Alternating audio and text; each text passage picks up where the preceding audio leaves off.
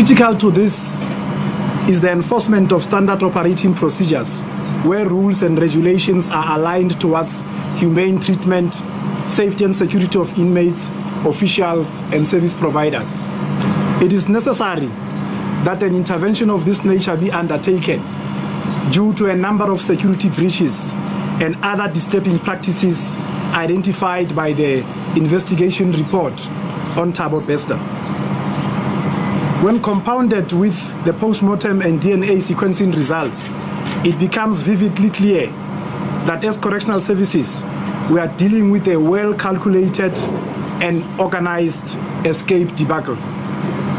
Hence, on an ongoing basis, the South African Police Services continues to investigate this matter because it has elements of criminality. Findings of the investigation report clearly reveal that Tabo Besta was assisted to escape from lawful custody on the 3rd of May 2022. Yet the contractor maintains that he died in his cell. This is contrary to overwhelming scientific evidence available.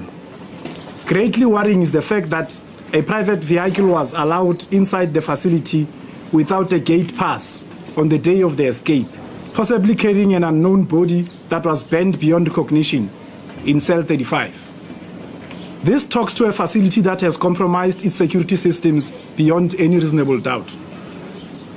Tampering with surveillance cameras points to a failed monitoring system deliberately orchestrated to conceal crucial evidence and individuals who aided Bester to escape. This is also a failure to guarantee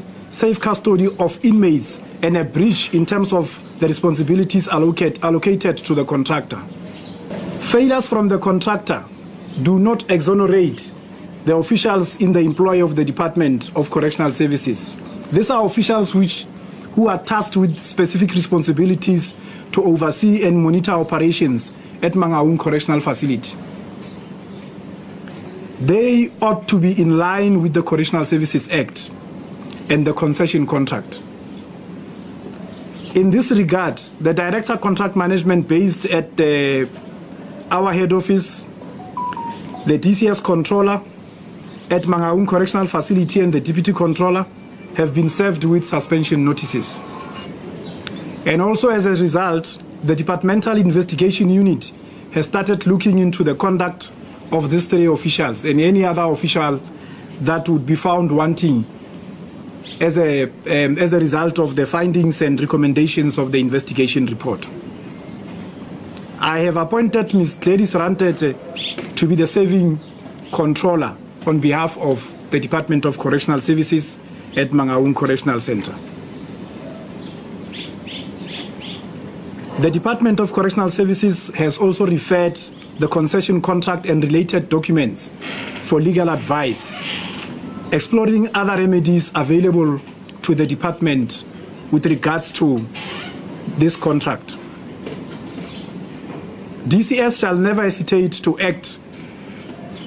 in order to ensure that there is no dereliction from the core mandate of corrections.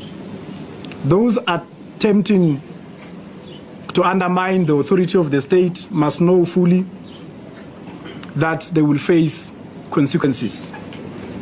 This has been a complicated case and continues to be challenging to the department, but we are working around the clock to stabilize this correctional facility and to, to ensure that our operations continue to be efficient. We have set up a track and tracing team that is working very hard to look for Tabo Pesta, and we continue to appeal to those who may have information or leads to come forward. We remain confident that we shall arrest the fugitive and bring him to justice with the assistance